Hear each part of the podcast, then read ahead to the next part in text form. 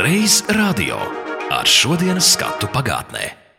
Kā kuģis Latvijas radio 95 gadus ir peldējis pa elektromagnētiskajiem viļņiem.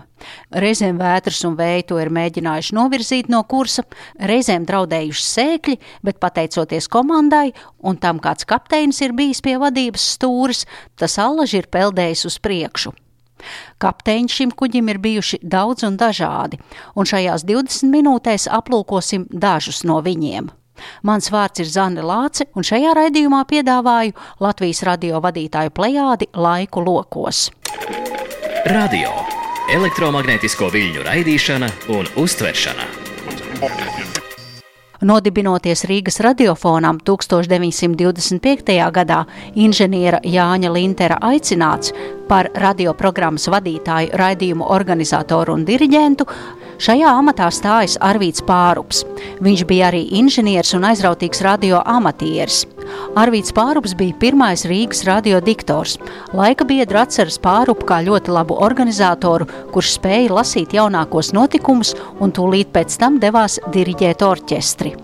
Tā par pirmo radiofona vadītāju savulaik rakstīja radioinženieris un Latvijas muzeja dibinātājs Jāzeps Ločmelis.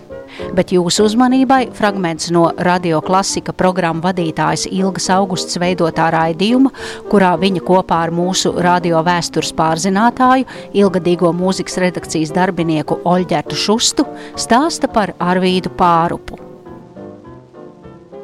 Arvīda Pārva uzdevums bija galvenokārt organizēt radioprogrammas. Un tā viņš esot skraidījis pa visu Rīgu un meklējis solistus, dziedātājus, runātājus, aktierus. Un kā vienu no veiksmēm viņš uzskaitījis bija, kā viena dziedātāja apņēmusies par diviem latiem stundā dziedāt deviņās valodās divi lati stundā. Nu, tas nemaz nebija dārgi, jo radiofonam ārkārtīgi maz naudas tika atvēlēts arī no saimas. Pāvila Jurjāna, Latviešu operas pirmā orķestra izveidotājs. Viņš bija ne tikai Liepājas operas dibinātājs un Latvijas Nacionālā simfoniskā orķestra priekšteča, Latvijas radiofona simfoniskā orķestra izveidotājs, bet arī pirmais Latvijas radiofona diktors. Enerģijas pārupam bijis atliku likām. Nodiriģējis koncertu, viņš tūdaļ iepazīstinājis radioklausītājus ar jaunākajām ziņām, domājis par nākošo dienu programmām, skrējis uz ielas, ķēris programmu izpildītājus. Un režisors Feldmans atceras, ka viņu Arvīts Pārups angažējas uz brīvības bulvāru pie pulksteņa, solot samaksāt piecus latus. Jā, viņš parasti pēc uzstāšanās radio tiešām esot skrējis meklēt jau nākošos izpildītājus. Jā, un pat tam dziedātājam vēlāk, kad radiofons jau strādāja pilnā gaitā, un radiofonā organizēja arī dziedātāju ansambļus, solistus, arī kaut kāds koris bija. Un tad komisijā bijis radiodirektors Jānis Mediņš un Pārups.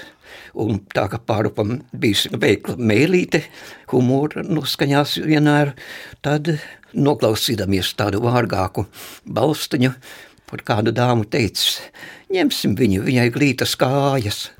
Arvīda pārupa darba spējas burtiski ražojot un vadot dienišķos pēcpusdienas koncertus pulkstenis 17. ir apskaužamas.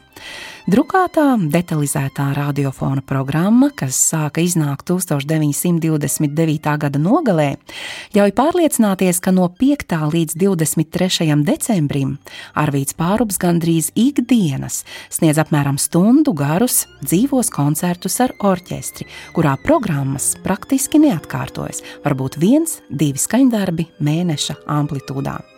Tiesa gan, pārsvarā tā ir vieglā simfoniskā mūzika, operu un operešu uvertīras, starpspēles, fantāzijas un popūrī. Orķestra mūzika šajos pēcpusdienas koncertos tiek atšķaidīta ar solistu kameru priekšnesumiem vai dzējas lasījumiem, kuros piedalās tā sauktie deklamātori. Reiz radio. 1930. gadā par Rīgas radiofona pārzini ieceļ dzēnieku Jāni Akurāteru.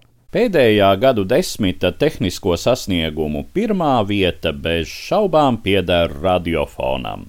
Ne katru reizi tehniskā kultūra ir saskaņā ar garīgo kultūru. Daudzi tehniskie izgudrojumi ir nesuši cilvēcei daudz posta, kas tik spilgti bija redzams pasaules karā. Bet radio ir viens no tiem faktoriem, kas cilvēcei nes tikai svētību kas vieno tautas un kuru ar pilnu tiesību varam apzīmēt kā gara kultūras izplatītāju un veicinātāju. Mazajā aparātā katram klausītājam ir vairāk kā burvība.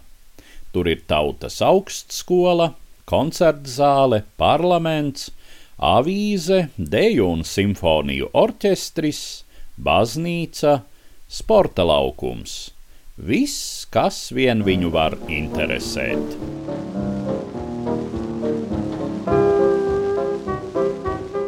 Tā 1930. gada 26. oktobrī apcerē radiofons un garīgā kultūra, kas publicēta Rīgas radiofona programmā, raksta jaunais radiodirektors, pazīstamais rakstnieks un dzēnieks Jānis Akurāters, kurš šajā amatā iecēla tā paša gada 9. maijā. Viņa ierosmē tiek izveidotas četras jaunas nodaļas.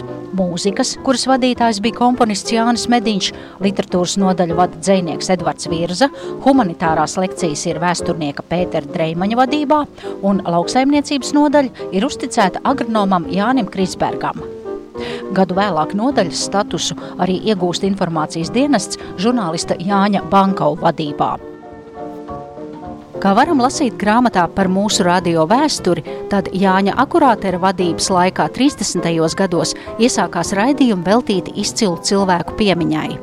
Sākot ar raidījumu, kas bija veltīts Zigfrīda Meirovicas piemiņai, kurā liriskās dzejas runāja Lilija Steingela. Raidījums arī veidoja aizsaulē aizgājušajiem rakstniekiem.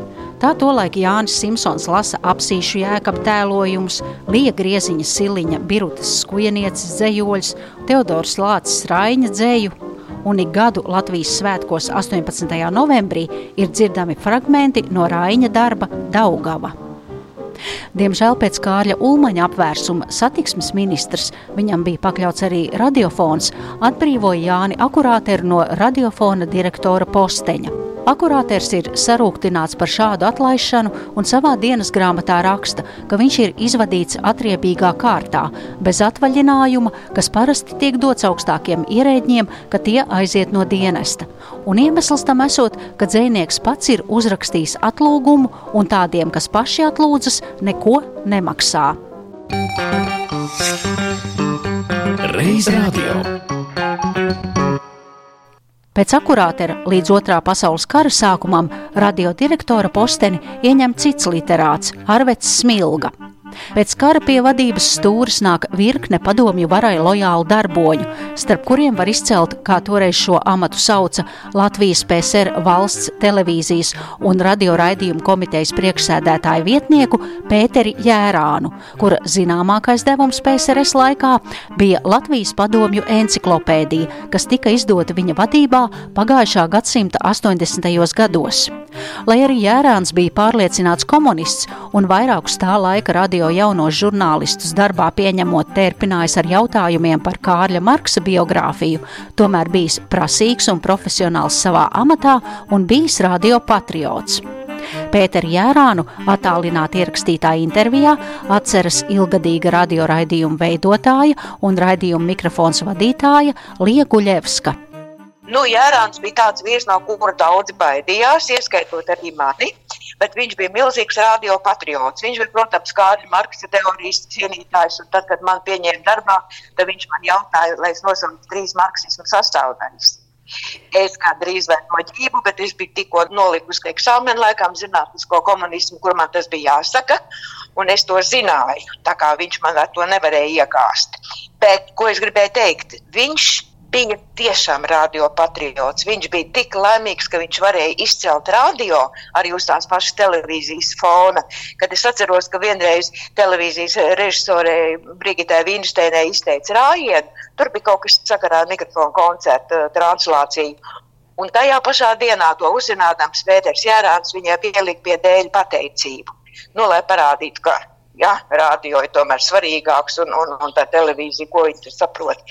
Bet mikrofonu viņš bija īpaši uzmīlējis, un pret mikrofonu viņa sirds bija drusciņi maigāka nekā pret citiem. Un mikrofonā viņš vienmēr kaut ko tādu, ko varbūt tās kādam citam stipri pārmestu. Mikrofonā viņš aprobežojās tikai vai no nu ar vienu teikumu aizrādījumu, vai vienkārši smaidu un vairāk tā kā neko.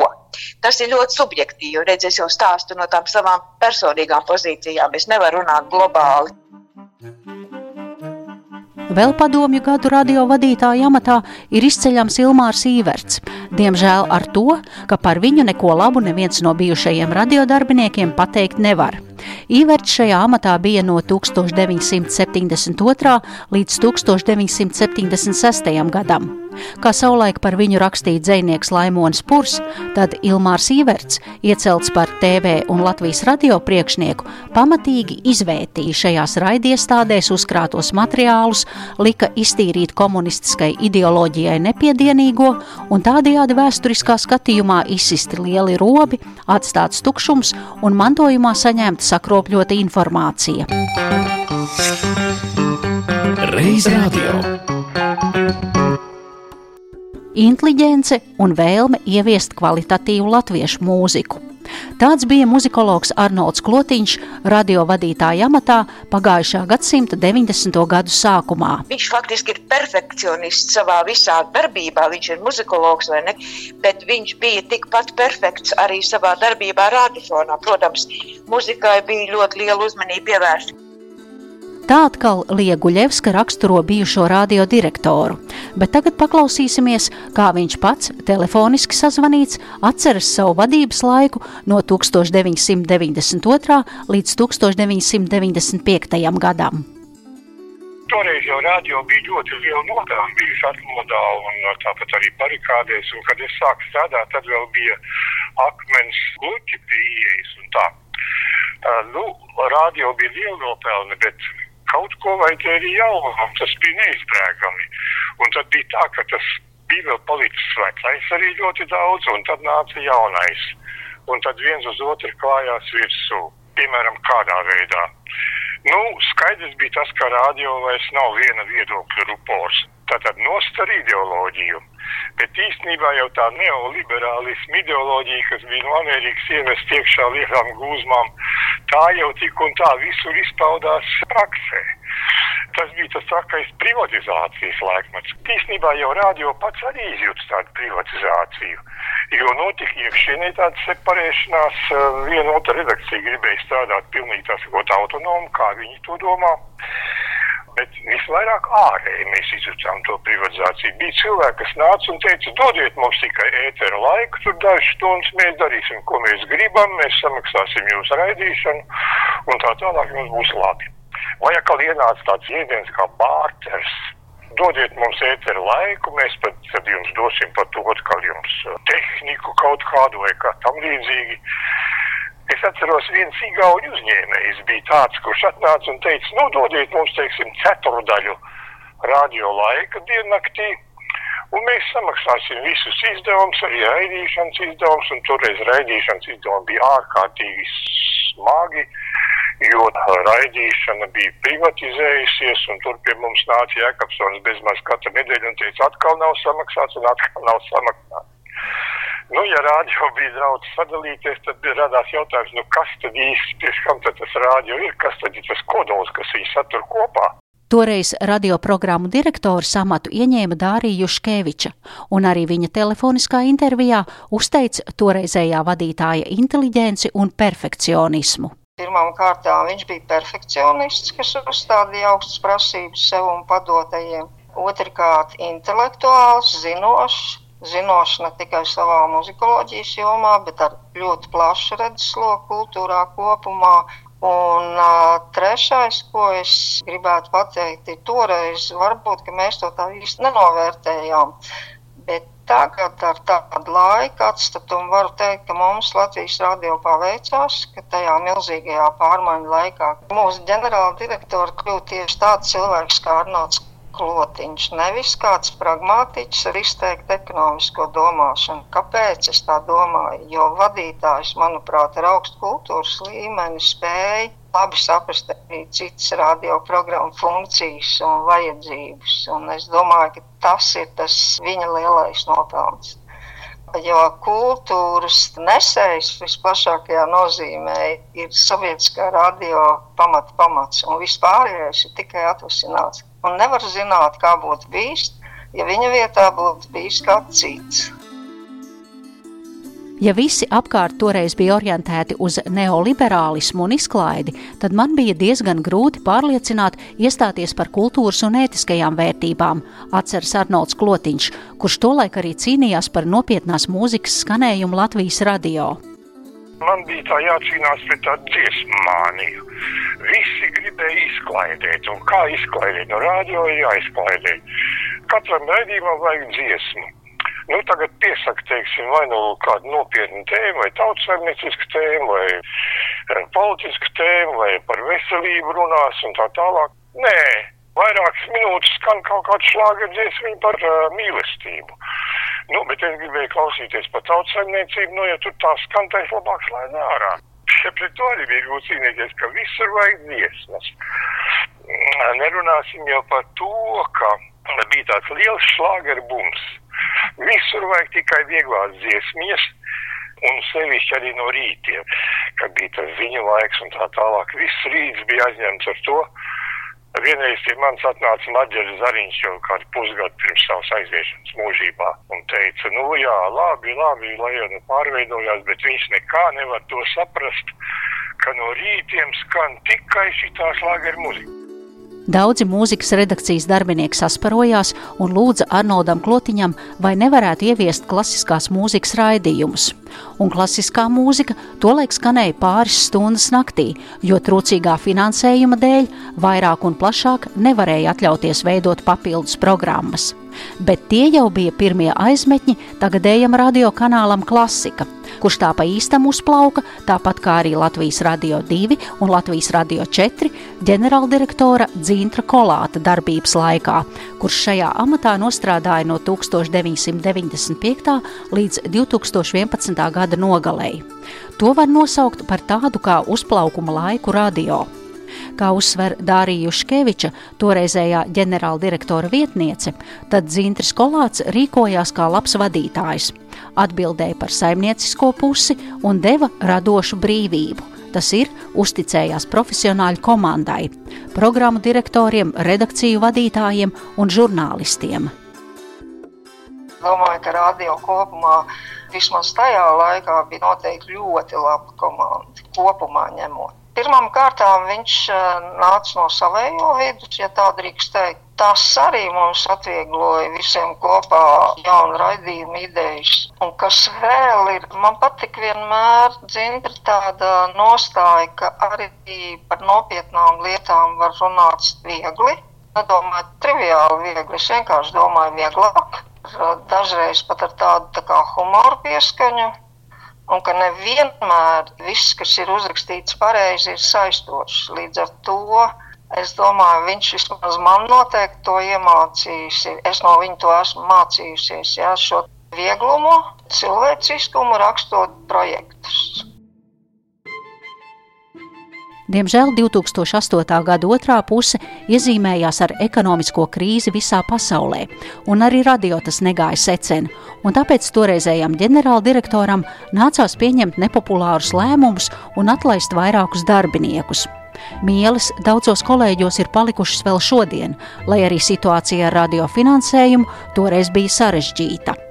Radio fanāti! Cilvēki, kuri kaislīgi mīl Latvijas radio, dzird vairāk, runā skaļāk un raida tālāk, lai ēterā skanētu pats labākais saturs, skaņu un stāstu meistari, frekvenču dzīves draugi. Un noslēdzot šo raidījumu, beigās arī kāds mūsu fonotēkas retums. Ja reiz runājam par vadītājiem, tad jūsu uzmanībai ieraksts no 1934. gada 15. māja, kur uzrunu tautai teica toreizējā valsts apvērsuma rīkotājs, ministru prezidents Kārlis Ulmanis. Tautas un valsts lietas līdz šim izšķīra partijas. izšķira savās egoistiskās interesēs, dažkārt negausīgās interesēs. Maz bija to, kam pirmā vietā stāvēja visa tauta un valsts. Tagad tas būs citādi. Valdības locekļi nav vairs partiju vīri. Tie visi ir savu arodu lietpratēji un visi bez izņēmuma pierādījuši savu prasmi, savus piedzīvojumus ilgadējā darbā. Visi pieredzējuši mūsu brīvības cīņas. Lielākā daļa, kā tieši kauju dalībnieki un Latvijas ordenis, grezno daudzu valdības locekļu krūtis. Tie zina, par kādu cenu Latvijas patstāvība ir iekarota, un tie apzinās, kā tautas iegūmus jāsargā visiem spēkiem un pašaizliedzību. Ar šo arī izskan šis raidījums. Radio vēsturi pārlapoja Zane Lāce.